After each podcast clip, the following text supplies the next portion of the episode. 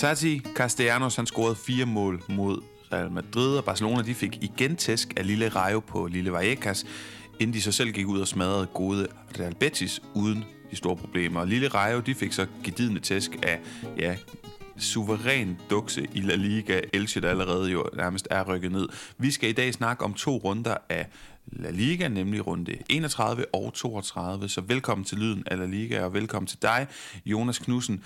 Inden vi begynder at snakke for meget om de her ting, og finde hoved og hale i den her disciplin, der jo er lidt svær, og som vi nogle gange øh, kaster os ud i, fordi der har været midt, midt så lad os lige starte et lidt andet sted, fordi der er mange overskrifter. Benzema hat-trick, øh, sene dramatiske mål, vi kommer tilbage til. Men hvis nu jeg siger José Bordalas, hvad siger du så?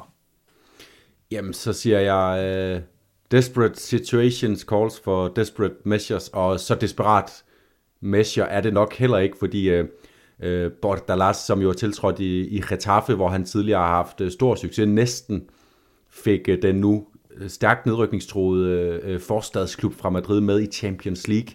Øh, det fortæller alt om, hvilken status han har i den klub, og nu er han øh, blevet indkaldt til en ekstremt vanskelig opgave, fordi Getafe har et point de sidste fem kampe. De ligger med 31 point. De, de ligger under, under stregen med to point op til, til Almeria og Valencia på den rigtige side. Det er, øh, det er også det eneste hold af dem, som er, øh, ligger i bund 6, 7, 8 stykker, ja faktisk i det hele taget, som ikke har vundet kampe på det seneste. Så, øh, så det er på tide, at Retaffe vågner op til død, og det bliver Øh, det bliver Bordalas opgave, og, og er der noget, vi ved, han kan, så er det jo at, at få sine hold til at udstråle øh, gejst, vilje, øh, intensitet i, i spillet, og det har, det har Getafe i den grad brug for i de, i de kommende seks kampe, som virkelig bliver med naverne ude på tøjet. Jeg kan godt lide din måde at formulere det på. Er der noget, vi ved om Bordalas? Fordi da du siger det, og så inden du fortsætter din sætning, så er der jo en 7-8 forskellige ting, jeg synes, vi ved. Og dem synes jeg, at vi skal prøve at fortælle øh, lytterne. Vi skal fortælle, at Bordalas godt kan lide at spille med to venstrebacks, en på venstre bak og en venstre bak på venstre kant, og det samme over til højre. Vi skal også fortælle, ja. han rigtig godt kan lide, at han spiller de takler igennem, også unødvendigt mange gange for at stoppe rytmen i spillet. Og så skal vi jo fortælle, at det er en træner, som si mal no recuerdo, hvis jeg ikke husker forkert, så tager han over i Getafe, da de ligger til nedrykning i Segunda B, altså i den tredje bedste række, så rykker han dem op. Og det er efter en periode, eller så ligger de til nedrykning til Segunda B, det er måske sådan der i den anden bedste række. Pointen er, at han bliver fyret, da han, da han er ledig, sådan at Getafe kan ansætte ham, der har han rykket Alaves op, i 2016, sommeren 2016, og så fyrer Alaves ham. Så jeg kan godt lide tanken om Bordalas, han også er sådan en type, der gerne vil have hævn, og har en stor motivation for at bevise sig, og det må vi sige, Jonas, han gjorde i Ritaffe, hvor du jo får nævnt det her med, at han er, øh, hvad hedder sådan noget, øh, er så tæt på, jeg tror det sidste spilledag er det 18-19 sæsonen, hvor de kæmper med Valencia om at få den her fjerdeplads, og lige akkurat ret dramatisk ikke får den. Hvad ved vi mere om ham? Vi ved, at han er Alicantino, han er fra Alicante-området. Det var nok også derfor, han blev lokket øh, og fristet og tog imod det her lidt håbløse Valencia-job, som han fik tilbudt, hvor han jo så også endte med at blive fyret. Ja, Jonas, mm, mange ting, og vi, og vi kan jo, altså, vi kunne egentlig godt bare snakke om ham hele dagen i dag, for jeg synes virkelig, det er fedt, og da jeg læste den her nyhed, om, at, øh, at de havde fyret Kiki Sanchez Flores, der skrev jeg til min, øh, til min kontakt i øh, Spanien, som er den her journalist, der hedder Juan Car Navacerada, som dækker, øh, dækker Getafe for Marca, og jeg skrev, hvad så? Hvem, hvad er lyden på vandrørene? Han siger, på her alt. Alt peger på, at Bordalas kommer tilbage. Der er bare lige et lille problem, fordi alle, ligesom mig, Jonas, og nok også dig, når de hører Getafe og, og, øh, og Bordalas sammen, så tænker de, det her det bliver fedt det gjorde Bordalas bare ikke. Han skulle lige overtales, og det var ikke så nemt, fordi som du selv siger, de rykker med stor sandsynlighed ned. Så over til dig. Hvad, hvor stor er den sandsynlighed? Ja, for de rykker ned, den er, den er stor også, fordi netop, at den her chok-effekt ikke indfandt sig i, øh, i kampen mod Espanyol, hvor de, øh, hvor de ikke bare taber øh, 1-0, de taber også på en måde, hvor de ikke rigtig får sat noget tryk på, selvom de er, bagud i den her livsvigtige kamp. Espanyol er faktisk øh, presser på for at score til, til 2-0 øh, i, i løbet af anden halvleg, også efterhånden, som man nærmer sig slutningen af kampen.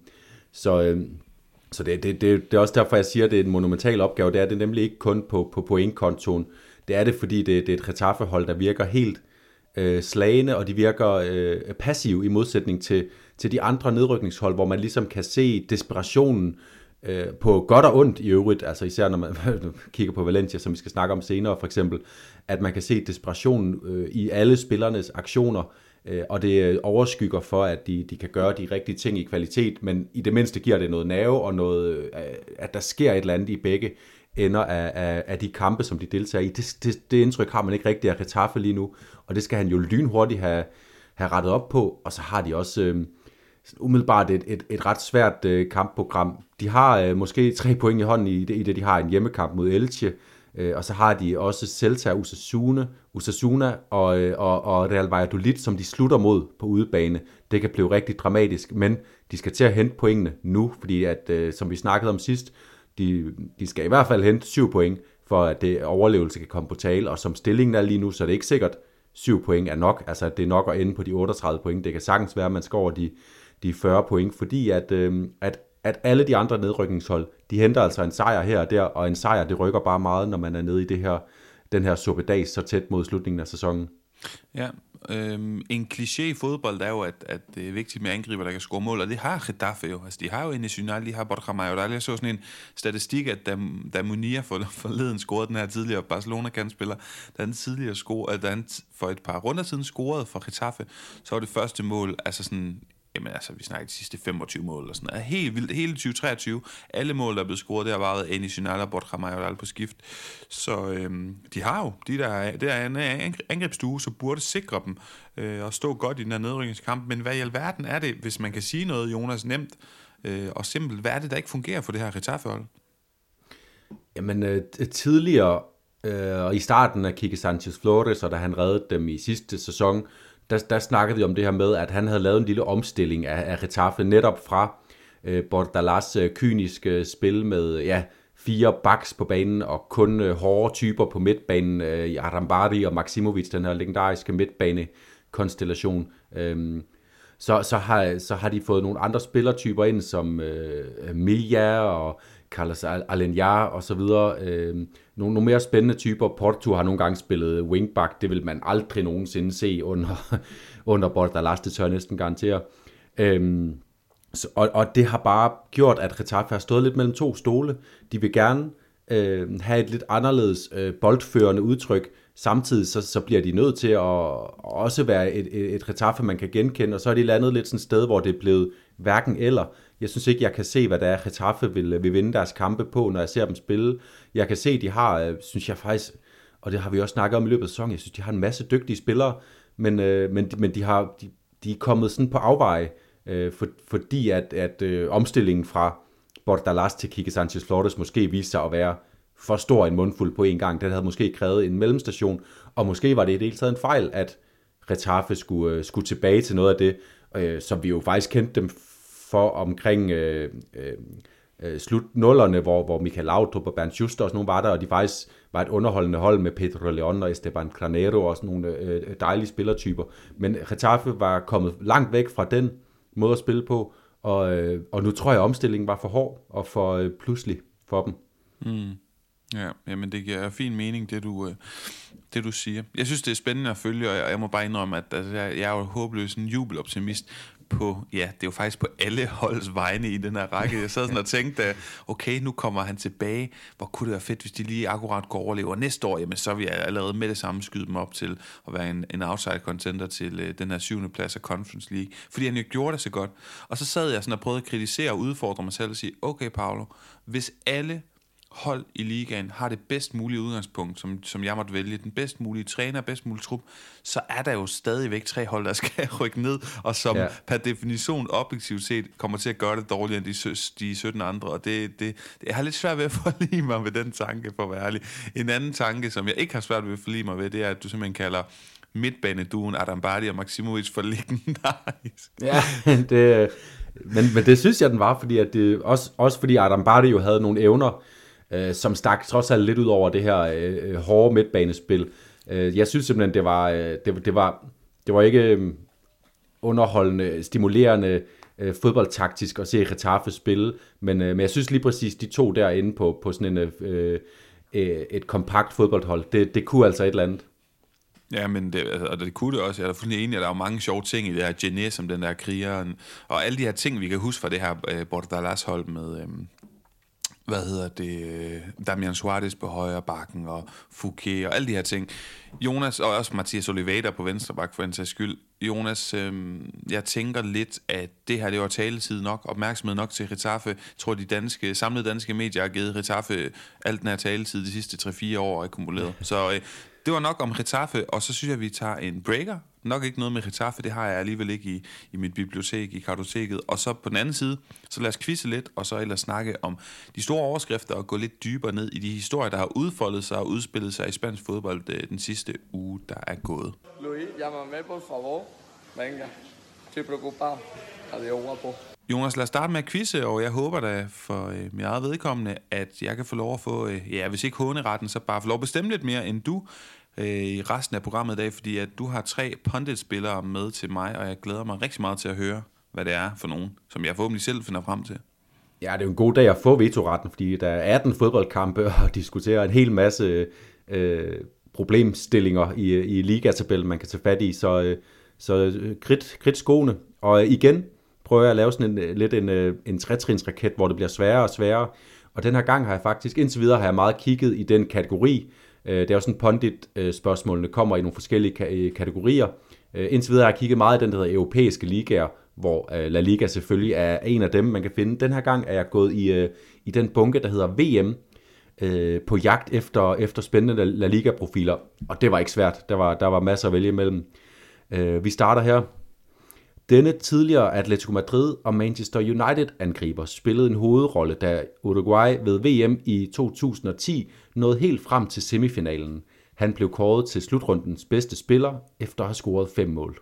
Ja, ja. Det er jo virkelighedens Tarzan. Jeg har altid tænkt, at han ligner Tarzan meget. Med der lange, flotte, den der manke af, af blondt hår, der kommer, og så bare den der fremskudte brystkasse. Mand, der jo altså, der havde en fantastisk intens affære med Jabulani-bolden i 2010, nemlig Diego Forlan. Ja, fantastisk fyr. Jeg, jeg rejste jo lidt rundt i Sydamerika med en uh, engelsk fyr fra Bristol, der hed Mark Danger Endicott, og han uh, lignede altså Diego Forlan på en prik, og uh, det var altså uh, rimelig godt, uh, en god attribut at, at rejse igennem Sydamerika med der i, uh, i, i 2012, hvor, hvor Forlan stadigvæk var, uh, var en af de største stjerner i, uh, i, i sporten. Fik, altså fik han lov at skrive autografer og sådan noget, din ven? Han, han, blev, altså, han blev taget fat i. Øh, jeg, jeg så ham ikke skrive nogen autografer, men, øh, men, men, men han, han blev øh, taget fat i i ny og næ. Nå, vi, vi rykker videre. Nu skulle det blive lidt sværere, hvis jeg har, har beregnet rigtigt. Øh, denne spiller, som aldrig slog til i Manchester United, blev den yngste hollænder til at score ved en VM-slutrunde, da han som 20-årig scorede mod Australien under slutrunden i 2014. Mhm. Ja, men det må... Ej, nu siger jeg må. Og der er jo en spansk vinkel, og jeg gætter på det. Det, det er der nemlig. Og, og, og den er ikke... At, ja, altså jeg gætter på, at han har spillet for FC Barcelona, og den er ikke opdateret til, at han har spillet i Atletico Madrid. Nej, det, det stemmer. Jamen, så er mit bud Memphis. Det er Memphis. En spiller, der scorede i, i, i øh, den runde, vi, vi snakker om her i, øh, i podcasten i dag. Og nu Paolo, bliver det, bliver det svært. Øhm, sidste gang udfordrede jeg dig med en, øh, med en Real Madrid-legende. Nu øh, rykker vi til det katalanske, tør jeg godt sige. Denne midt, midtbanespiller var en del af det Holland-mandskab, som tabte to VM-finaler i træk. Han gav Holland en regulær drømmestart ved finalen i 1974, da han scorede på et straffespark efter få minutter af kampen, men det var ikke nok. Fire år senere var det Argentina, som knuste Oranjes titeldrømme i finalen. Og jeg har lige øh, opstillingen, jeg kan læse op, minus selvfølgelig ham, du skal gætte, Hollands ja. opstilling i den her VM-finale. På mål, Jan Youngblod. Forsvaret, Wim Subier, Rim, Wim Reisbergen, Arje Hahn og Ruth Krohl. Øh, som anker på midtbanen, Wim Jansen. Foran ham, William van Hanegem og den her spiller, du skal gætte. Helt op i angrebet, Johnny Rep på den ene side, Rob Rensenbrink på den anden side, og i midten, Johan Cruyff. Uh, ja. Øh, Johan Cruyff, der, der, der driblede legendarisk op og tilsvang sig det her straffespark i en af de, de allerførste aktioner i kampen for ham.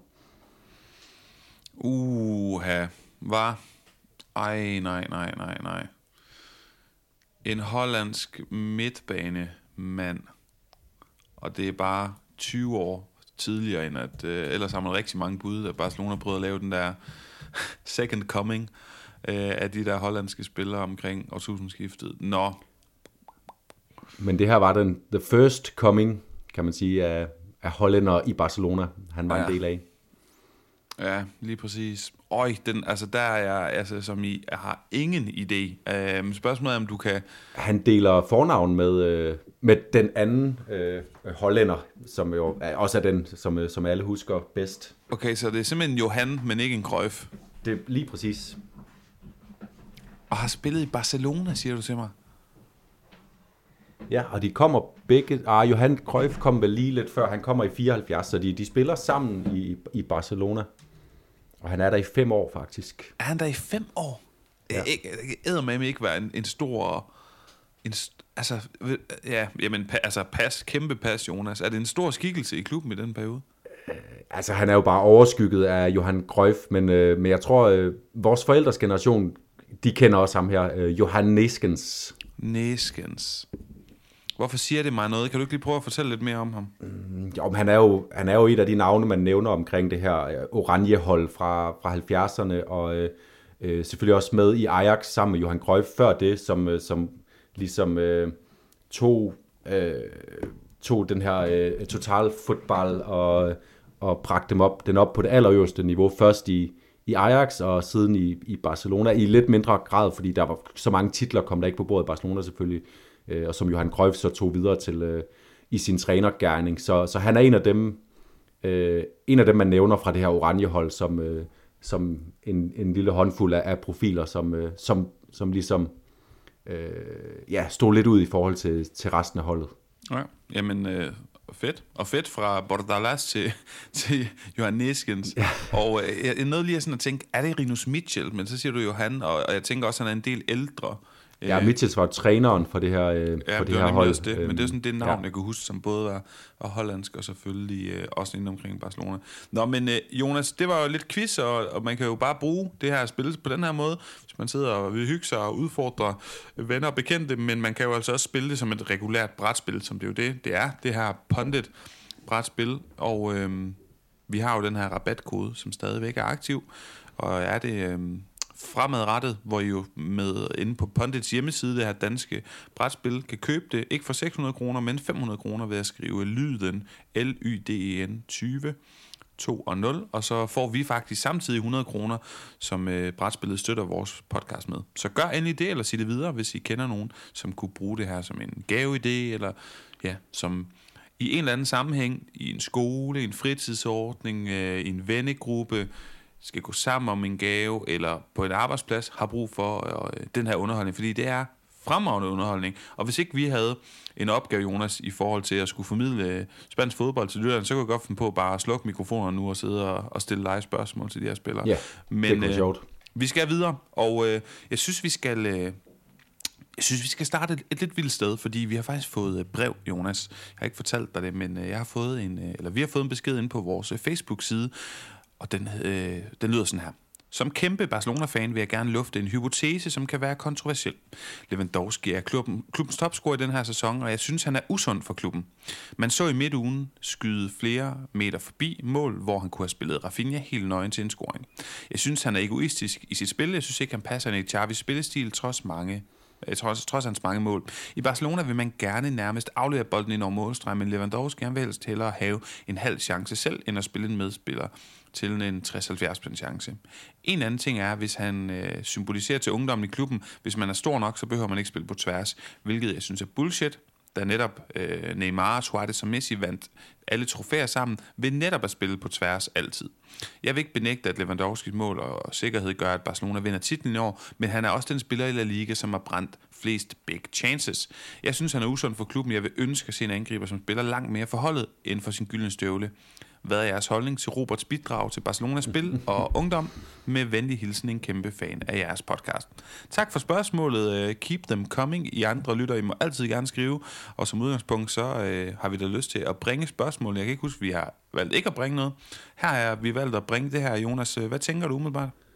Jamen, jeg tænker, det er lige hjertekuglen af den allermest gennemgående debat i omkring FC Barcelona siden, ja, nu snakkede vi om hollænderne før, siden Johan Cruyff tog over nærmest. Den her balance, altså, øh, øh, når Barcelona ikke har en, en nier, der scorer mål, så sukker alle efter en nier, der scorer mål. Når Barcelona har en nier, der scorer mål, så sukker de efter en nier, der scorer mål, men også er lidt bedre i, i relationerne. Luis Suarez øh, bidrog på en anden måde, og havde på et eller andet måde, til, til trods for, at han også er en, en karakter, der selvfølgelig fylder, fylder meget, så havde han en, en, en lidt mere ydmyg tilgang til det at, at spille i, i Barcelonas angreb, og det hjælper selvfølgelig også lidt på det, at man spiller med Lionel Messi frem for, øh, som tilfældet for eksempel var mod Rayo Vallecano for Lewandowski, med Rafinha på den ene side og Ferran Torres på den anden side. Der kan man godt forstå, at, at Lewandowski tænker, det er nok mig, der skal prøve at, at komme til afslutningerne. Øh, og vi, vi, vi kan jo bare også gå tilbage i historiebøgerne og se på, på Zlatan Ibrahimovic, som netop kom øh, under Guardiola, hvor alle beundrede Barcelonas måde at spille på, men mange sagde også, ja, ah, måske vi mangler lidt en 9, og Angri er det ikke rigtigt, David Villa er det ikke helt rigtigt. Så kom Ibrahimovic ind, scorede nogle mål, men øh, røg hurtigt ud med badevandet igen, fordi han netop øh, fyldt for meget på, på banen med sin, sin måde at være angriber på. Og det kan jeg godt forstå, at man tænker med, med Lewandowski lige nu. Jeg synes, der, der er lige den nuance på det, at, øh, at i efteråret, da han kom til, øh, og efterhånden spillede sig varm i La Liga, øh, scorede, scorede masser af mål. Det er den periode, han, han bygger sin måske kommende topscore-titel på. Øhm, der synes jeg faktisk, han var god i relationerne også, øh, og gik ind og prøvede at hjælpe FC Barcelona til at blive, blive bedre. Han prøvede at løfte, løfte hele holdet. Øhm, og der var rigtig meget godt, når, når Pedri kom ind omkring feltet, når Frenkie de Jong tog dybdeløb bag Lewandowski, og, og Lewandowski så kom til mulighederne. Øhm, så jeg er ikke helt klar til at afskrive ham, men jeg, øh, jeg synes, at han er det største mysterium i, i sæsonen, øh, når man sådan ser det lige nu, fordi han er faldet så meget i niveau på, på alle mulige fronter. Jeg synes, det er sindssygt spændende øh, og en, og en god diskussion, det her, Jonas. Øh, hvis jeg skal svare lidt på nogle af de spørgsmål, der bliver stillet i, i det her lytterinput, så synes jeg ikke, at han er usund for klubben. Jeg tror, der er rigtig mange spillere, der kan nyde godt af hans erfaring og hans øh, kynisme foran mål. Jeg synes heller ikke, at hans, hans symbolværdi er negativ overhovedet, men jeg vil sige, at jeg synes, det er interessant at spekulere i. Vi skal selvfølgelig huske konteksten. Barcelonas kontekst er en ekstremt fattig klub, som har haft nogle problemer, også både sportsligt, men også uden for banen sidste par sæson. At man vælger at bruge relativt mange penge på en relativt gammel mand. Fordi når jeg kigger på det, altså øh, narrativet har længe været i den her sæson, at Barcelona kommer til at vinde titlen på grund af Lewandowskis mål. Og det er jo også rigtigt. Tager du dem væk, så vinder de ikke den her titel. Men jeg tror mere og mere, jo længere fremtrædende, jo, jo mere sæsonen skrider frem, hælder jeg mere til, at det er defensiven, der har sikret dem Øh, den titel, de unægteligt kommer til at vende lige om lidt, end det er Lewandowski. Vi, er, vi har snakket om, at han er gået stå her i foråret, og jeg kan ikke lade være med at tænke på, så og det spekulerer man også på i spansk presse, okay, næste sæson, så er han det ældre, og det er måske hans sidste sæson på højeste plan. Jeg tror stadig ikke, Barcelona er der, hvor de kan konkurrere om at, at vinde Champions League for eksempel næste år. Øh, så hvorfor har man så købt ham? Er det for at bringe den her stabile målscore på et hold, som virkelig mangler det? Og, og i hvor høj grad kan man så begynde at spekulere i, er en, en liga-titel værd, det værd, hvis vi siger, at hvis vi tager ud af regnestykket, jamen så har Barcelona ikke vundet den. Jamen er den, den her ligatitel, at, er, er den så meget værd, som Lewandowski har kostet, i stedet for at bruge en af sine egne talenter eksempelvis. Det synes jeg, jeg synes, det er en interessant debat, som udgangspunkt heller til Barcelona har disponeret rigtigt og, og, og gjort det rigtigt. Men jeg kan også godt se, hvorfor man kan forholde sig kritisk til de her ting. Jamen, det, jeg, jeg synes også, det nok var det rigtige at gøre, også fordi Barcelona øh, har gået nogle år uden titler, øh, og det var essentielt for dem at komme tilbage, øh, hvis ikke bare i titelræset øh, i det mindste, så, øh, så, så, så rent faktisk også at, at, at vinde La Liga, som, så de ikke begynder at, at tabe terræn til, til Real Madrid, det her samlede regnskab over antallet af ligatitler, som jo stadigvæk er, er smertefuldt øh, øh, stort spring op til, til Real Madrids øh, antal, øh, og i Barcelona der er det altså vigtigt, at man hele tiden hænger på, så, så det der øh, øh, spænd, det kan øh, formindskes i stedet for at, at forøge sig, i hvert fald blive, blive på, på maksimalt det samme. Jeg synes så, man også bare må sige, det er trods alt kun 19 ligamål, han har scoret Lewandowski. Det er, det er altså ikke imponerende øh, mange mål, vi er, vi har været vant til at se øh, La Liga topscorer score væsentligt flere mål, og, og hvis Benzema havde, ikke havde haft det ujævne forløb, han havde har været igennem, så havde han jo også øh, øh, været topscorer i La Liga, og ikke Lewandowski. Øh, så, så jeg synes også, øh, man, man bliver nødt til at sige, at, at fra og med øh, øh december, altså den her VM-pause, der har Lewandowski ikke levet op til det, øh, man skulle forvente. Og, og derfor er jeg også enig med dig i, at hvis man skal pege på én ting, der vinder Barcelona det her mesterskab, så, kommer det, så er det ikke Lewandowski, der kommer til at fylde i historiebøgerne. Det er øh, Kunde, Araujo, Christensen, Balde, den her firebakkæde, som også var tilbage øh, mod Real Betis, hvor de vinder 4-0. Øh, altså meget symbolsk, at Barcelona leverer den første overbevisende præstation i lang tid, lige når Christensen kommer tilbage, og man kan stille med de fire øh, gala-forsvarsspillere igen. Ja, og han scorer, den gode Christensen, som vi, skal, ja. som vi skal snakke om lige om lidt, Jonas. Men for lige at lukke det her Lewandowski-kapitel, så ja, jeg, jeg synes, det var interessant at snakke om det her, og, og der blev også spurgt lidt ind til, hvad kan man sige, til hans bidrag til Barcelonas spil. Og der vil jeg jo sige, ja, som udgangspunkt, der synes jeg, at det har været fascinerende, og, og hele Spanien var jo fuldstændig altså var fuldstændig op at køre, imponeret over Lewandowski lige da han kom til, ja. og han scorede bare nogle mål, man, man var nærmest, man havde ikke set det før, og jeg sagde til dig, øj, det minder mig meget om den måde, jeg blev imponeret over, den gode Ruth Van Nistelrooy, da han landede i spansk fodbold. Her var altså ingen øh, slinger i valsen, der blev bare scoret en masse mål på en imponerende måde, som vi måske ikke altid er vant til i spansk fodbold. Og jeg kan da godt sidde og tænke nu, jamen burde man, altså vil Barcelona spille sig bedre ud med en hårdt arbejdende øh, Roberto Firmino, som er en god falsk 9-type, Øh, ja, det vil det formodentlig. Vil det se pænere ud, og han vil være meget mindre selvisk. Men grund til, at det er, øh, ja, hvad hedder han, Matteo Alemani, som, som bestemmer de her ting, og ikke mig, øh, Jolly Cruyff for øvrigt også, apropos hans, øh, hans far tidligere i programmet, øh, det er fordi, at det handler om at vinde, og det handler ikke om at spille pænt, og øh, det ved selv FC Barcelona godt, og derfor har de valgt en angriber, der scorer mange mål. Så jeg tror, at i sidste ende, for, for at afslutte det fra min side i forhold til at lytte input, at jeg hælder alligevel til, at øh, han er bedre for klubben end, altså det opvejer, alle de gode ting, han gør for FC Barcelona, opvejer, at han selvfølgelig både er gammel, har kostet en del penge, og også er gået lidt i stå. Ja, så, og så lige sådan en lille, lille palette af forsvar for, for Lewandowski. Den ene, der er grunden til, at Barcelona netop må gå efter en aldrende spiller, fordi man kan sige, vil de hellere have øh, øh, købt øh, Holland, eller Mbappé, eller øh, Osimhen i ja. Napoli. Altså øh, en af de der angriber, som bare er øh, garante for mål og i deres bedste alder. Øh, ja, selvfølgelig, men netop på grund af de, den finansielle situation, du også, du også var inde på, så var det her bare en, øh, en kortsigtet løsning, der med hiv og sving og med alle mulige palankas og øh, øh, rusken rundt i budgetterne og flytten rundt på, på penge kunne lade sig gøre. Øh, og derfor så, så var det også en god løsning, synes jeg. En anden ting, han har, nu har han jo scoret de sidste to kampe, så han er jo stadigvæk en mand, der, der, der bidrager med, med målene. Og, øh, og det her med, at han tager afslutninger på halve chancer, det synes jeg, det synes jeg gerne, han må, når han har de afslutningskvaliteter. Han har set, vi har set ham lave fem mål på fem minutter nærmest i Bayern flere gange, hvor, øh, hvor, hvor det jo netop også bare er, dom, jeg er i nærheden af bolden, så skyder jeg, fordi at, øh, jeg skyder den som regel ind, når jeg, når jeg, når jeg rammer, rammer lederet. Øhm, øh, og øh, så, så klemte jeg det tredje punkt, jeg lige vil have med. Øh, jeg tror, vi har, forsvar vi har for også, ham. Så, ja, så jeg tror, vi, vi har rundet det godt. Ja, vi har forsvaret. Jonas, øh, for lige at lukke Barcelona-kapitlet ned, for nu har vi også snakket meget om dem. Øh, de taber til øh, Rayo Vallecano, og så vinder de så overbevisende over Real Betis. Hvad, skal, hvad har du tænkt? Hvad har du gjort der tanker om den uge, de har haft?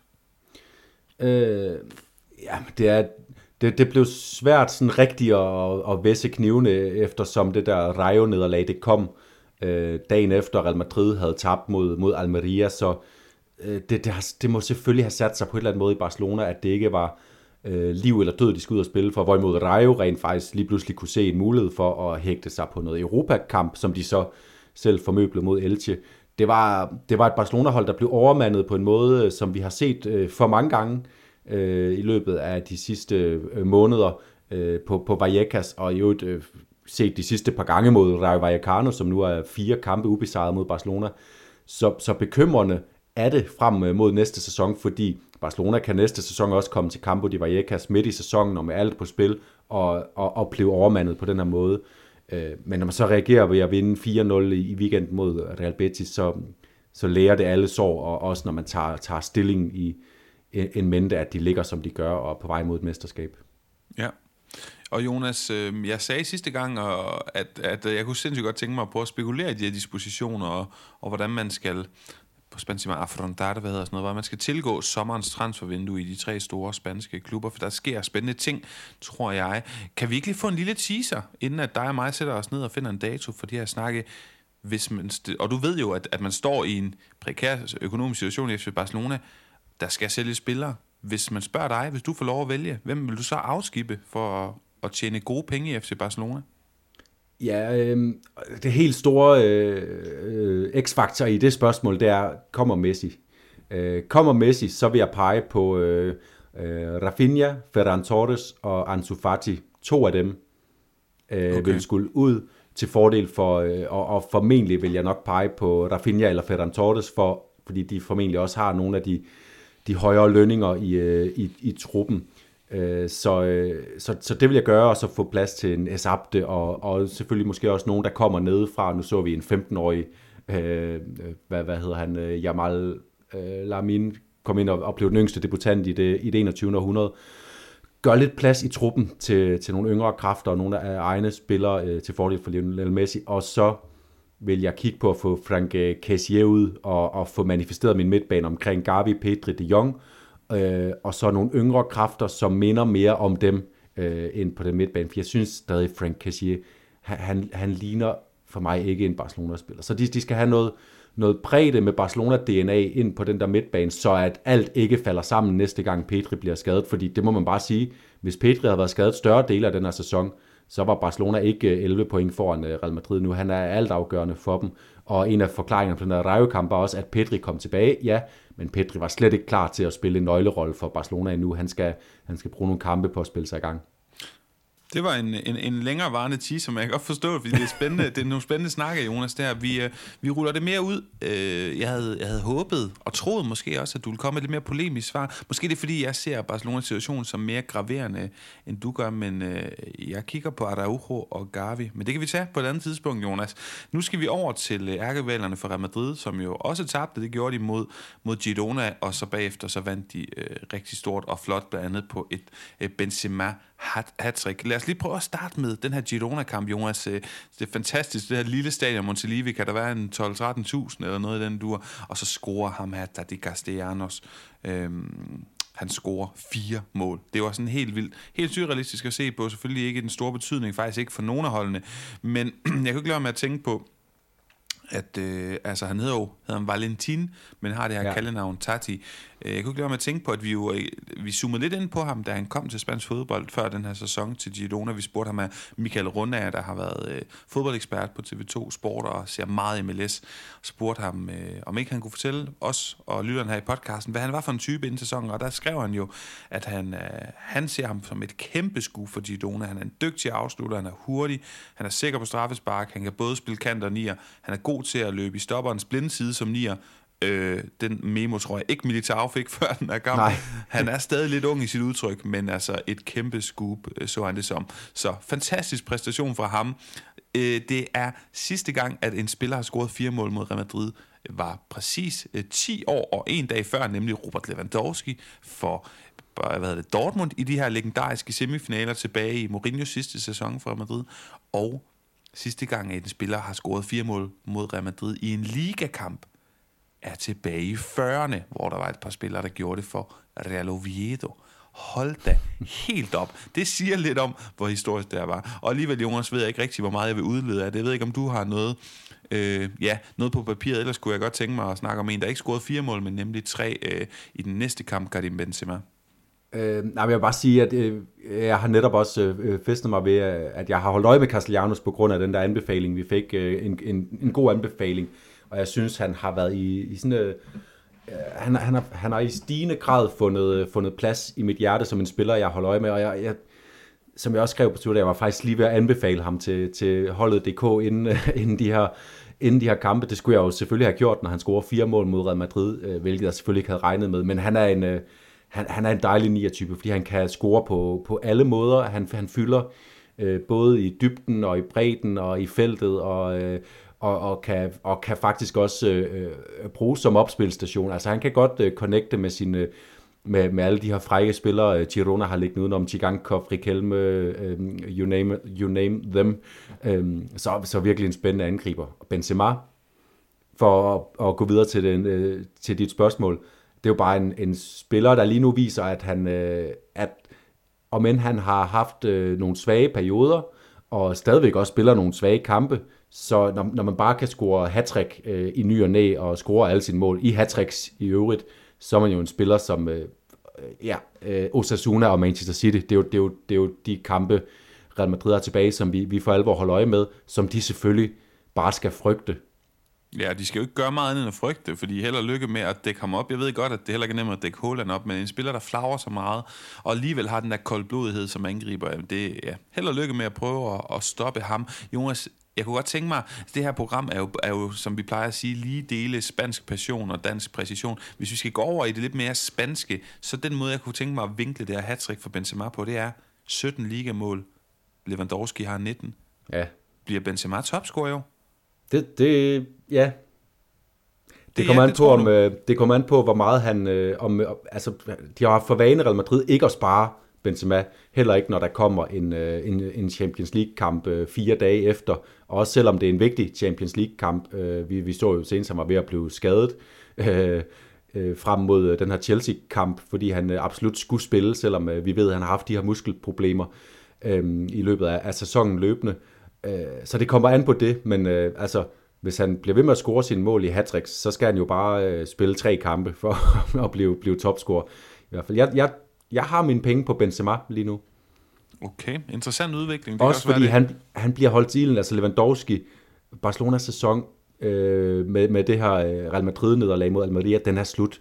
Øh, så, så Benzema han bliver holdt til ilden af den her Copa del Rey-final og de her øh, Champions League-kampe, og vi ved, at, at man vil gerne holde sine spillere til ilden ved at vinde kampe, og ved at lade dem spille kampe og score mål, øh, så, man, øh, så man står skarpt til de her kampe. Så, så, så Benzema kommer selvfølgelig til at bruge nogle La Liga-kampe til at stå, stå skarpt til de, de afgørende øjeblikke, og, og det kan sagtens bringe ham op på og man skal jo ikke score imponerende mange mål for at blive, blive topscorer i La Liga i den her sæson, i øvrigt, som jeg har, har været inde på os. Ja, lige præcis. Apropos det her lytterinput omkring, om Lewandowski er usund for, for klubben, så tror jeg mere, jeg vil synes, Benzema faktisk er det. I hvert fald den her sæson har han naturligvis, han er jo en fantastisk øh, øh, case, og, og jo naturligvis en Real Madrid-legende på alle mulige måder, Karim Benzema. Men den her sæson har haltet så meget, og han har så stor en status, fordi han er forsvarende Ballon d'Or. Altså han er verdens bedste fodboldspiller. Han var så afgørende. Uden ham øh, øh, kan Real Madrid overhovedet ikke være i nærheden af at vinde sidste års Champions League, og måske heller, heller ikke ligaen for den sags skyld, men i hvert fald ikke Champions League. Så så afgørende en skikkelse, så stor en personlighed på det her hold, så dygtig en fodboldspiller, der limer offensivt sammen.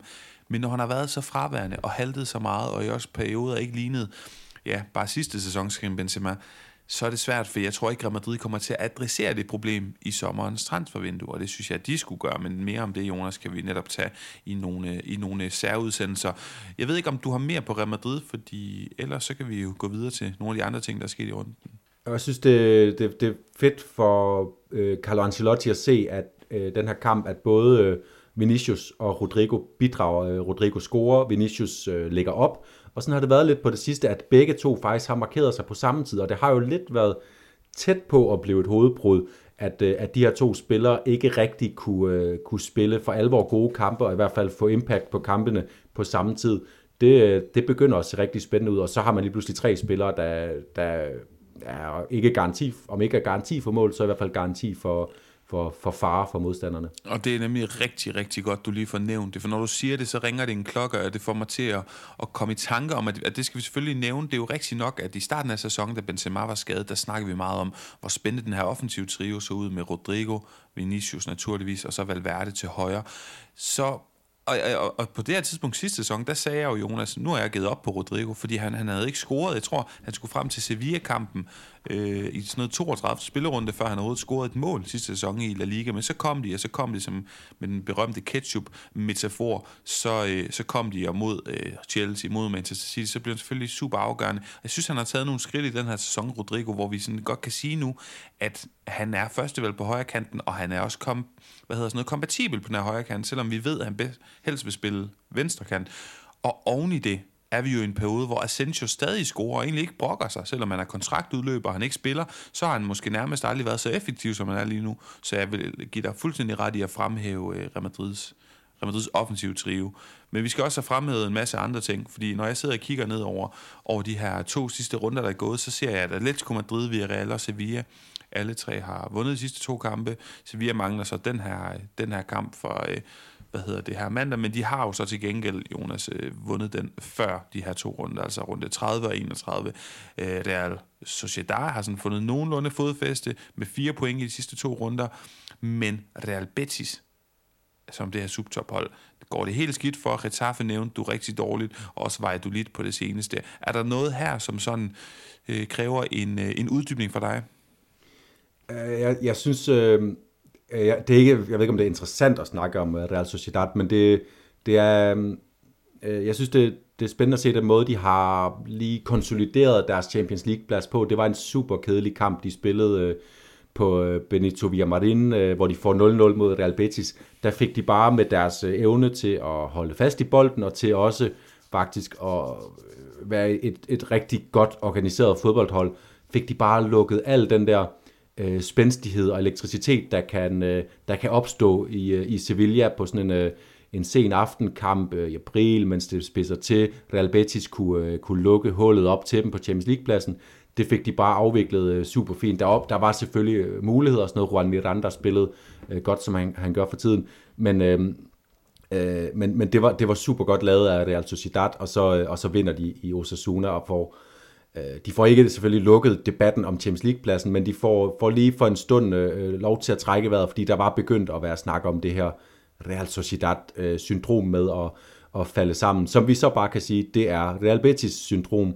Øh, og, og lige nu kigger jeg på Real Betis og tænker, øh, skulle de lige lave sådan en lille øh, rystposen øh, i transfervinduet, fordi øh, det bliver bare ved med at, at falde lidt sammen for dem, lige så snart de, øh, de får færden af, af noget op i, i toppen af tabellen. Øh, Øh, og spørgsmålet om de kan, de kan styrke truppen ved at skifte nogle spillere, måske endda, nu siger jeg det, sælge Nabil Fakir for at, at få købt nogle andre spillertyper med mere fart og dynamik, øh, og så bygge holdet op på en lidt anden måde. Øh, det, det tror jeg, de vil have godt af lige at, at, at, at ryste posen i hvert fald.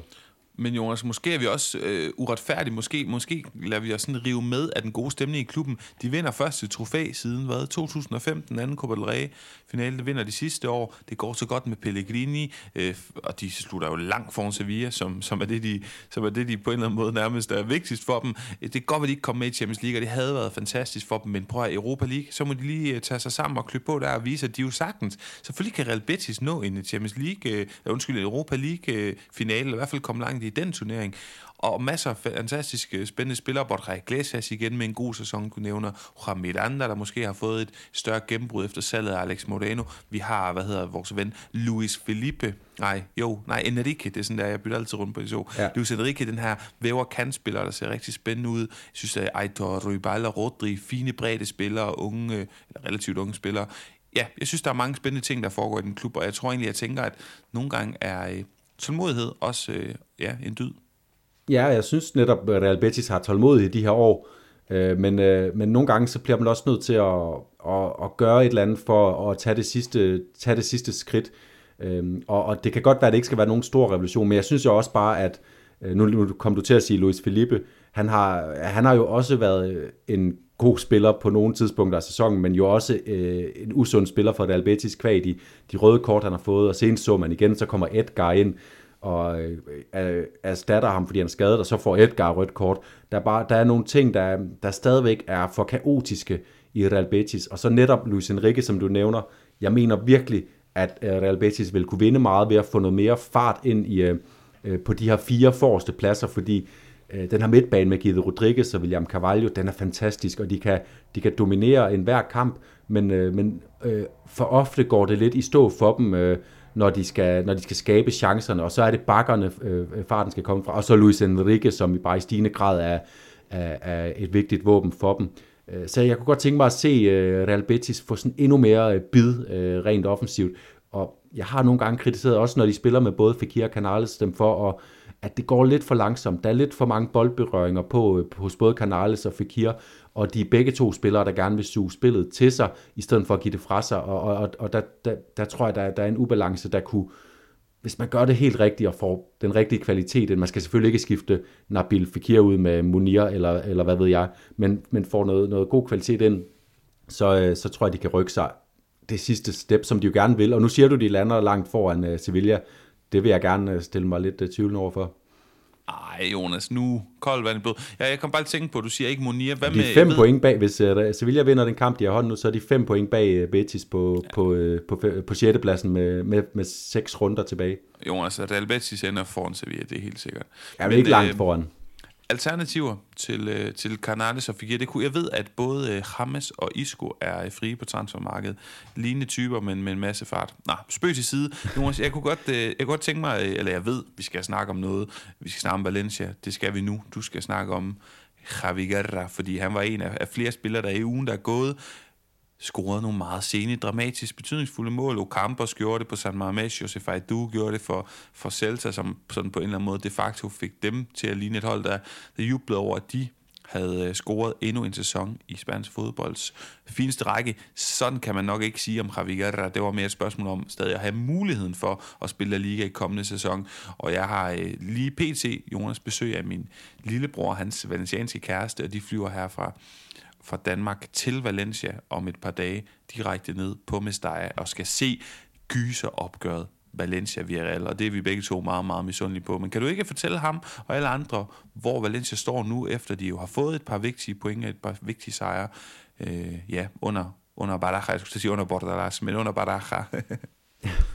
jo, men det er øh, to skridt frem og et tilbage. Øh, øh det, det der, de står på, øh, øh, på, på sådan et felt af, af fortsat usikkerhed, fordi øh, ja, de fik den her sejr mod Real Valladolid, og det var skønne billeder at se Javi Guerra øh, outdrible en mand, og så sådan, øh, nærmest med sådan et ørnesvæv sendte den op øh, i det fjerne målhjørne med, det har jeg forstået, dårlige ben i virkeligheden, og øh, Ugo Dodo har ved at sige, at han aldrig set Javi Guerra score til træning, altså som i decideret aldrig, øh, ikke bare en, øh, en overdrivelse, men øh, aldrig score, ikke i intervalspil, ikke i noget som helst. Øh, så øh, utroligt øjeblik. Men når de så går ned i, i Cardis og øh, leverer så dårligt, som de gør den første time bagud øh, 2-0 i løbet af kampen, øh, og så skal de igen ud i sådan noget ren desperation, som mere er desperation, end det er øh, mulighed for at bruge sine evner til at vinde en fodboldkamp til sidst, så står de bare stadigvæk, hvor man er sådan, spørger sig, jeg spørger mig selv, har de overhovedet evnerne til at vinde over det her Villarreal-hold på hjemmebane? Det er jeg bare ikke sikker på. Og alt det skriger bare desperation i deres aktioner. Samulino, han øh, træffer den ene dårlige beslutning efter den anden, fordi at han er nervøs. Altså, de nerverne er så meget ude på tøjet, at det manifesterer sig i alle de beslutninger, Valencia-spillerne træffer, og Diakabis forsvarsspil er hele tiden sådan på en knivsæk, øh, om han kan nå tilbage og afvæve situationerne. Øh, og så til gengæld så er han sådan elektrisk, når han er med fremme og skaber den ene chance efter den anden, og scorede også efter han har lavet en fejl i den her Valladolid-kamp. Det er, det er så... Altså, man skal undre sig selv at se de her Valencia-kampe lige for tiden, fordi at, øh, det er kaotisk, og det er desperat, og det er, det er underholdende på alle andre måder, end det er god fodbold. Øh, det er bare øh, overlevelseskamp i sin, i sin reneste form. Ja, men det er også lidt masochistisk, man godt kan lide Valencia, som de fleste jo på en eller anden måde har enten et primært eller sekundært øh, tilhørsforhold til. Ja, jeg, jeg kan ikke uh, supplere så meget til det, det, det du siger, udover jeg tænker, og det har vi snakket om før, at Mestaya kan være nøglen, altså den her fantastiske opbakning på, hvad der for mig at se er mit favoritstadion i, i Spanien, tror jeg. Jeg elsker det stadion, jeg synes opbakningen og kulissen kan være vidunderlig, men det er sikkert et dilemma, det også er for, de, for alle de fans, Valencia-fans, der jo er, fordi de konstant vil protestere mod mod, øh, mod Peter Lim. Og prøv at forestille dig, Jonas, det der med, jamen hvis man så er med til indirekte og sørger for, at holdet bliver op, jamen så er man med til at bibeholde den attraktion, Valencia er, som jo nok betyder, at Peter Lim ikke vil sælge. Omvendt, hvis ikke du støtter dit hold, jamen det går også imod din intuition og det, du har lyst til din loyalitet, men så kan du være med til at føre dem ned i næstbedste række indirekte ved ikke at bakke dem op. Det er selvfølgelig træls på alle mulige måder, men måske der så også er den her tanke om, at han endelig giver slip, den gode Peter Lim. Altså det, det er et kæmpe dilemma, men jeg kan bare ja. sige dig så meget, at hvis Valencia de skal vinde på Mestalla mod Villarreal, så har de brug for opbakning fra deres fans. Men der er også den, den vinkel på det, at, øh, at hvis Valencia rykker ned, så har de lige pludselig mistet så meget værdi, at Peter Lim nærmest ikke kan sælge, øh, og kan forsvare over for sig selv, og hvem han ellers kan forsvare det over for, øh, og sælge, fordi så vil prisen være for lav i forhold til, hvad han øh, har givet selv i sin tid. Så måske netop en overlevelse kan gøre, at værdien holder sig oppe, og så kan man stadigvæk have drømmen om, at han på et tidspunkt får lov til at sige, det var, det var, eller får lyst til at sige, det var det, det var mit spanske eventyr, nu laver jeg gåseøjne, fordi der er ikke særlig meget eventyrligt over det, Ej, og han har jo ikke engang selv en interesse i det. Så øhm, ja, og, og jeg synes, man så i, i kamp mod øh, Real Valladolid, hvor de vinder, og i de her minutter, hvor de, hvor de kæmper for at få først udligningen, og så, øh, og så sejrsmålet, øh, der kan man se, at det er et hold, der... Øh, eller et, et hjemmepublikum, der først og fremmest gerne vil, vil, vil bakke de her spillere op, som befinder sig i den her situation, og prøver at, at få klubben til at overleve, fordi det er spidset til, som det er. Og man har også kunne se det på udbaneture. Valencia havde øh, masser af fans med, øh, har haft masser af fans med på de seneste to udbaneture, senest til, til Cardiff, som jo er, er lidt af en tur, lidt af en bøvlet tur, fordi det er ikke lige præcis en af de her ruter, hvor der er direkte hurtigt tog i Spanien. Det, jeg ved ikke, om man skal ind over Madrid, eller om man skal flyve, eller hvad det er, men masser af Valencia-fans, øh, der, der bakker op om holdet lige nu, og, og, og det, det er jeg glad for at se, selvom jeg godt kan forstå, hvis man ikke har lyst til det. Ja. Jonas, øh, med din tilladelse, så vil jeg hoppe på den sidste breaker for i dag, og så øh, komme frem med nogle koringer. Ja, lad os gøre det. Karim Benzema. Karim Benzema. Karim Benzema. Karim Benzema. Det gik lidt hurtigt med gennemgangen af tingene, Jonas, og også lidt svært at danne det her sådan overblik i forhold til, at der jo bare er øh, mange kampe og mange ting, der er sket i løbet af de her, jeg tror du sagde 18, hvis ikke det er 19 kampe, tæt på 20 i hvert fald øh, fodboldkampe, der er sket rigtig mange ting, og vi vil gerne også snakke om Barcelona og Madrid, og også Atletico Madrid, vi ikke fik snakket så meget om, men det, de tre hold har ikke frygtelig meget at spille for i spansk fodbold lige pt. Øhm, alligevel så går mit bud på rundens så til en dribling på baglinjen, som Rodrigo Goes han øh, lavede. Der var godt nok mange flotte detaljer i, i løbet af de her fodboldkamp, men jeg synes, der var noget fuldstændig overlegnet i den dribling, han foretager sig på baglinjen i forbindelse med at lægge op til et af Benzema's tre mål øh, i, i den her kamp i weekenden. Jonas, hvor, hvor har du kigget hen i forhold til det, der er så? Jeg har noteret mig den, og så har jeg øh, kaldt den en skolegårdstribling, fordi at det er, det er, det er, det er sådan lidt lallet nærmest, det går, og det går også langsomt, men han får simpelthen bare øh, øh, sendt Samu i den forkerte retning, og så ligger bolden bare frit for ham til at, for Rodrigo til at, at tage og lægge den op. Så det synes jeg også, øh, det var, det var en sjov detalje. Så har jeg også noteret mig Javi Guerra selvfølgelig, både på grund af måden, han scorede på faktisk. Det her mærkelige svæv, bolden får, øh, som en ørn, øh, ørn på vej ud over de øh, Andesbjergene, eller en, en kondor, vil det jo så være.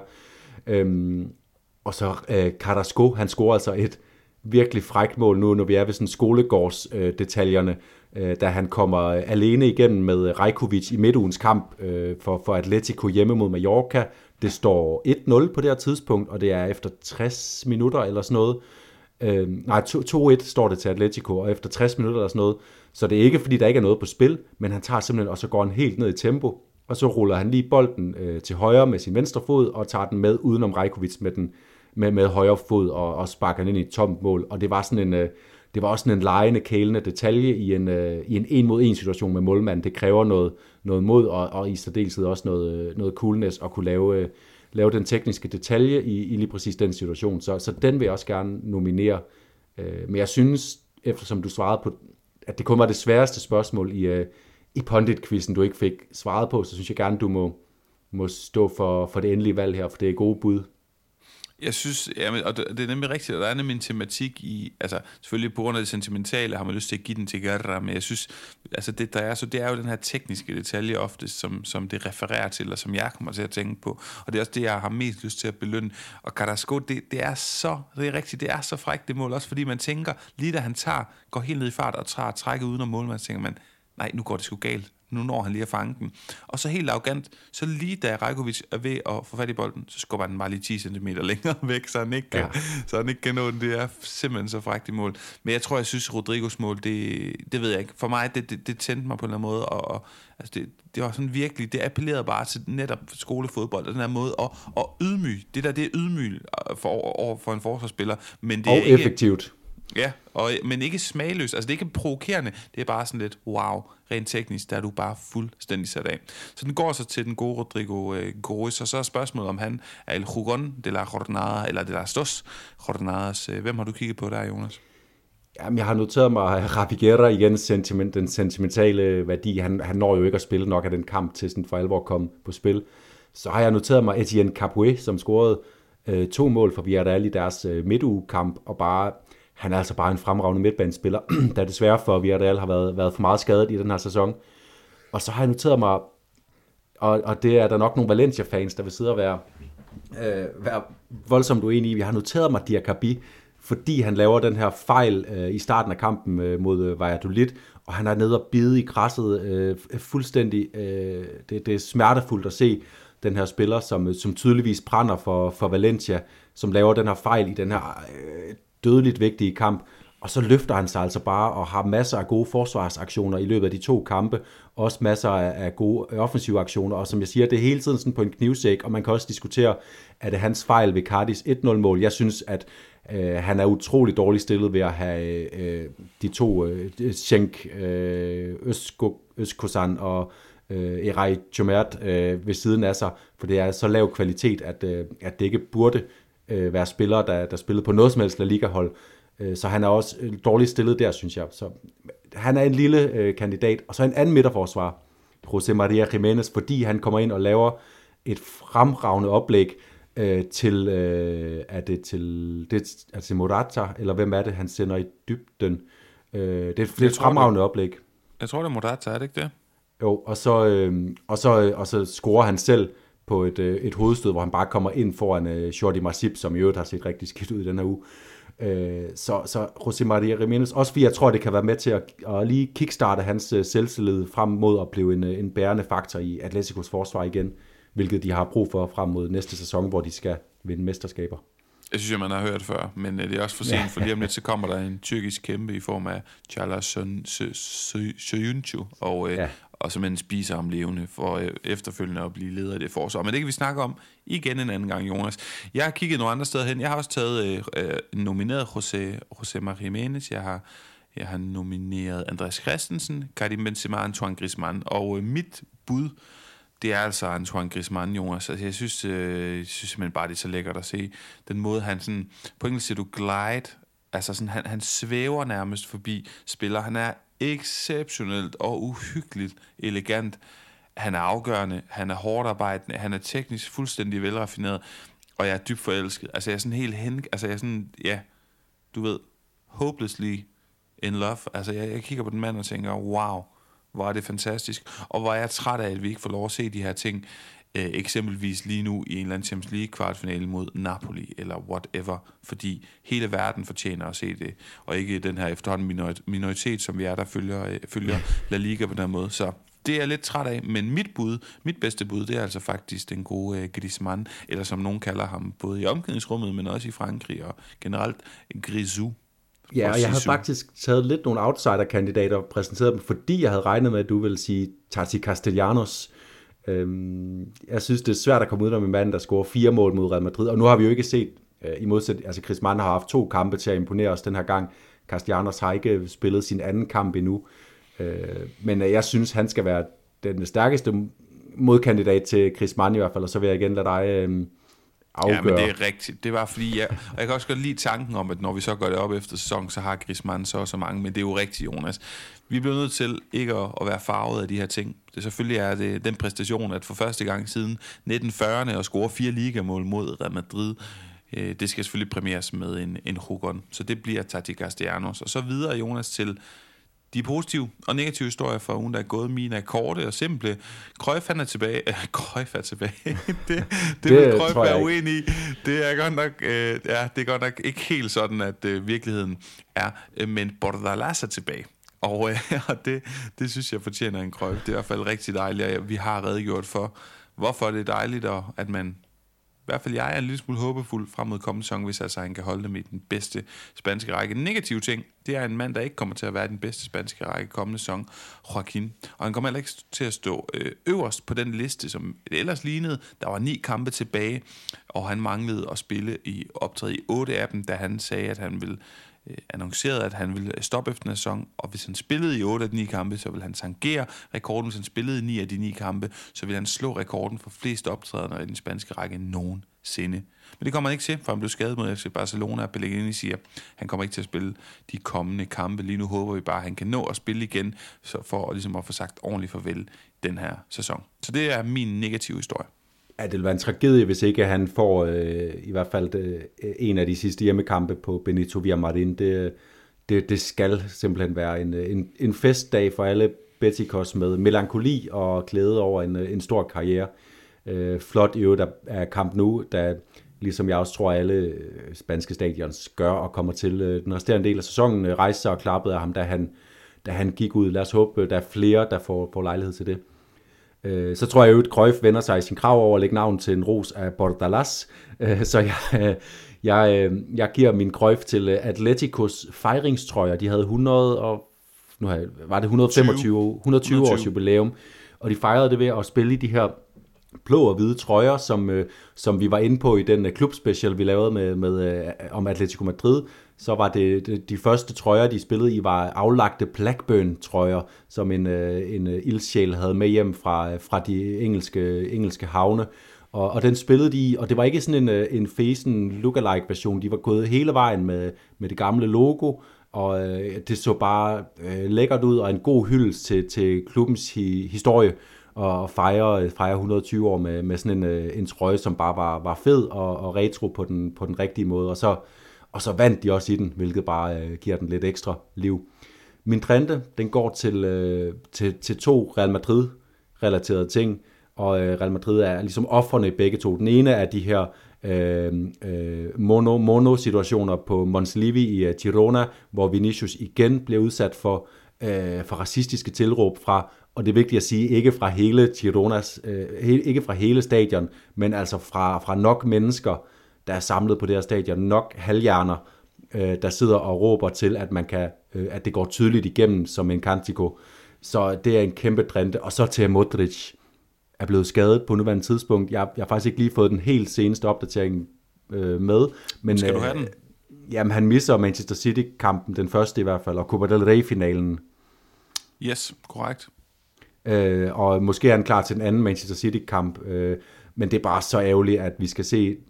Øh, alle i Europa skal jo klæde sig til den her kamp mellem Manchester City, det bedste fodboldhold i Europa, og Real Madrid, det bedste fodboldhold i Europa til at vinde kampe, og stadigvæk også øh, med nogle af de, de største profiler. Og der er Modric jo bare en af de spillere, der vil kunne tage den der kamp, og så øh, frarøve City øh, initiativet i, i perioder. Så, så det er super ærgerligt, at han ikke øh, kommer med i den første kamp. Men jeg tror faktisk, det er en blessing in disguise, Jonas, fordi, måske ikke mod Osasuna, og jeg ved godt, Modric er helt vidunderligt fantastisk, og vi vil alle sammen ønske, at vi kunne give ham en, en foryngelseskur, men det kommer til at gøre, at øh, Ancelotti jo har en åbenlys undskyldning og en mulighed for at kunne spille med en af de to lidt aldrende midtbanespillere og omringe, det bliver så Toni Kroos, med en masse energi og fysik i form af eksempelvis øh, Chomini eller Kammervenga og så Valverde. Men, men jeg vil stadigvæk give dig fuldstændig ret i, at det er det er skidt, fordi uanset hvad, så er det her en mand af magi, og vi så bare, hvordan han med en øh, yderside aflevering til øh, Rodrigo for eksempel kunne ændre alt øh, i løbet af et splitsekund øh, i den der Chelsea hvad hedder det, kamp, der Real Madrid havde ryggen mod muren der i kvartfinalen sidste år. Så jeg, jeg, jeg, jeg kan sagtens se, hvorfor den, øh, den er negativ. Ja, jeg kan også godt følge det, du siger, øh, og, og derfor så er det også lige så meget det her med, at Modric, han er nu en spiller, øh, der har haft så stor en karriere, at han kommer til at overgå historisk bøgerne som en af dem, vi snakker om, når vi laver top 10 lister øh, over de bedste midtbanespillere i historien, og også en, man skal snakke om, når man nævner de bedste 20 spillere i historien. Altså, øh, det er ikke sikkert, at han er blandt de 20 bedste spillere i historien, men en, man skal snakke om, ligesom man snakker om øh, øh, Zidane og Ronaldinho, og hvem ved jeg. Og, og den her mytologi, der så opstår omkring sådan en spiller, det er bare sådan en, øh, øh, sådan en øh, historie, man gerne vil have med i de her afgørende øh, kampe ude i, i den, øh, på den største scene. Så det, det er lige så meget det, Øh, og jeg tror sagtens, Real Madrid kommer til at kunne stille øh, en yderst slagkraftig midtbane mod Manchester City. Det, det er heller ikke det, så, så det, det, det er bare til fraværet af Modric, det er bare altid ærgerligt ikke at se ham spille. Ja, jamen enig. Jonas, øh, sidste punkt på dagsordenen, det er jo den her hvad hedder det, tips og tricks, anbefalinger kan vi kalde dem til holdet.dk, når vi kigger frem mod kommende runde og kommer med en våget påstand, måske, eller en nem en. Øh, en nem kunne være et Elche, det går så godt for dem så ofte. En, øh, men de spiller mod Almeria, øj, det er godt nok spændende. Jeg har to, Jonas. Jeg har en våget og en ikke så våget, og den ikke så våget, det er nemlig bare, at Almeria, de vinder på hjemmebane. King Power, Horse Power, of Power of Horses Stadium, og hvad det ellers hedder, der er de bare stærke af en grund, som øh, jeg ikke rigtig kan forklare, fordi det er ikke det fedeste stadion i verden, hverken af navn eller øh, sådan stemning. Men i hvert fald, så tror jeg, de vinder. Jeg tror, at øh, Don Luis Suarez fra Colombia, han er involveret i et mål. Enten scorer det selv, eller også lægger han op til det. Det lidt mere våget, det er, at Real Sociedad tager et eller tre point på hjemmebane San Sebastian mod Real Madrid fordi de har tankerne et andet sted, Real Madrid, nemlig i weekendens Copa del Rey-final. Og jeg tror, at Takefusa Kubo gør det ondt mod sin gamle klub, enten med en mål eller et oplæg. Så to offensive spillere, man kan kigge på, der er ingen af dem frygtelig dyre. Takefusa Kubo eller altså den gode øh, Javier, tror jeg han hedder, Luis Javier Suarez.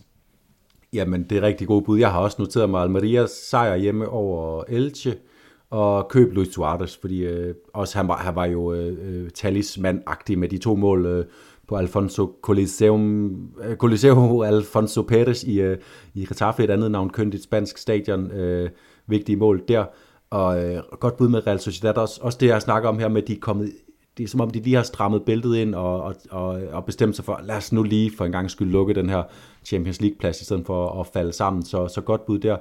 Jeg vil så øh, bare spæde op med en enkelt anbefaling, det er, at jeg tror, Atletico lige nu, de, øh, de hygger sig simpelthen så godt, og de har så meget kvalitet, at når de hygger sig, så, så kommer de til bare at fortsætte med at vinde. De har Cardis på hjemmebane, og jeg vil sige, øh, en, en spiller, der imponerer mig rigtig meget lige nu, det er Nahuel Molina, så det kunne være et bud på en, øh, en defensiv spiller, man kunne købe både til at tjene clean sheet point, men også mål og assist. Hans indlæg for tiden er super skarpe, og det var ham, som Jimenez øh, slog bolden til. Nu, øh, nu kom jeg i tanke om det, det var ikke til, det var ikke til, til Morata. Fantastisk løb og, og afslutning af Molina. Alternativt så blev Depay, kom Depay tilbage i vælten og så ikke træt ud. Han så ud til at have fart i benene, og selvfølgelig øh, sin gode teknik og afslutninger. Så jeg kunne godt forestille mig, at Depay kommer med sådan en lille afsluttende run frem mod næste sæson med mål. Så, så ind med Molina eller Depay for Atletico, som kommer til at vinde. Ja, øh, ja, de kan godt vinde resten af deres kamp den her sæson i princippet, øh, sådan som de spiller lige nu. Og alle de mål, de scorer.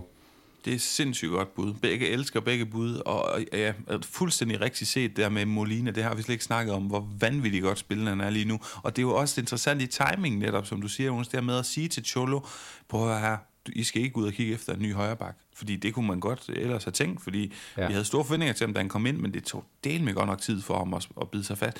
Og det er helt samme, som du siger med Depay. Han står jo også der, jeg tænkte også på det den anden dag med Morata, hvor jeg sad og tænkte til mig selv, for mig ser Morata bare ikke en topangriber i verden. Altså, det er han simpelthen ikke, og det, og det, og det har jeg lige skulle nedjustere, fordi det har jeg tænkt ham som. Han var et kæmpe ja. navn, men det er han ikke. Altså, hvem siger ikke, at Atletico Madrid vil være bedre tjent med Borja Iglesias, eller for den sags skyld Rosello lige nu, helt ærligt. Så det er jo også i den kontekst, at det er helt vildt vigtigt for Depay at komme ind, som det her januar indkøb, vi har snakket om på papiret, giver det god mening, vi tror godt, det kan lykkes, men lad os nu se, han skal bevise det først, og det kan jo netop bruge den her tid til, uden det øh, aller, aller største pres, det er det jo ikke rigtig under, at, øh, at score en masse mål og vise, prøv at det ikke heller ikke her, I skal fokusere jeres kræfter, når I skal planlægge truppen frem mod kommende sæson. Så virkelig godt set Jonas begge steder. Og så er han jo netop også en lejende spillertype, og når man øh, spiller frit, øh, og på et Atletico-hold, der, der i stigende grad leger sig igennem kampene, så, så er det jo helt oplagt, at han kommer til både at lave nogle mål, og også forkæle os med nogle, øh,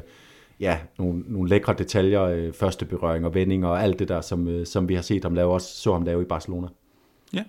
Jonas, det var mandagens podcast. Øh, vi øh, stopper nu og smider ud i æderen, og så kommer vi faktisk allerede tilbage torsdag aften, har vi aftalt, fordi der er jo midtugerunde, fordi man har valgt at respektere og isolere Real Madrid mod Osasuna Copa del Rey-finalen i weekenden. Så vi er tilbage med en øh, kort gennemgang af de fleste kampe. Jeg tror ikke lige, vi når for de sidste sene torsdagskampe med, men torsdag aften hopper vi ved mikrofonerne, så smider vi også en stor... Øh, eller en stor, vi smider i hvert fald en, en lille optag ind som et element til Copa del Rey-finalen, og hvad det har betydning for de her to hold, Real Madrid henholdsvis, og Osasuna.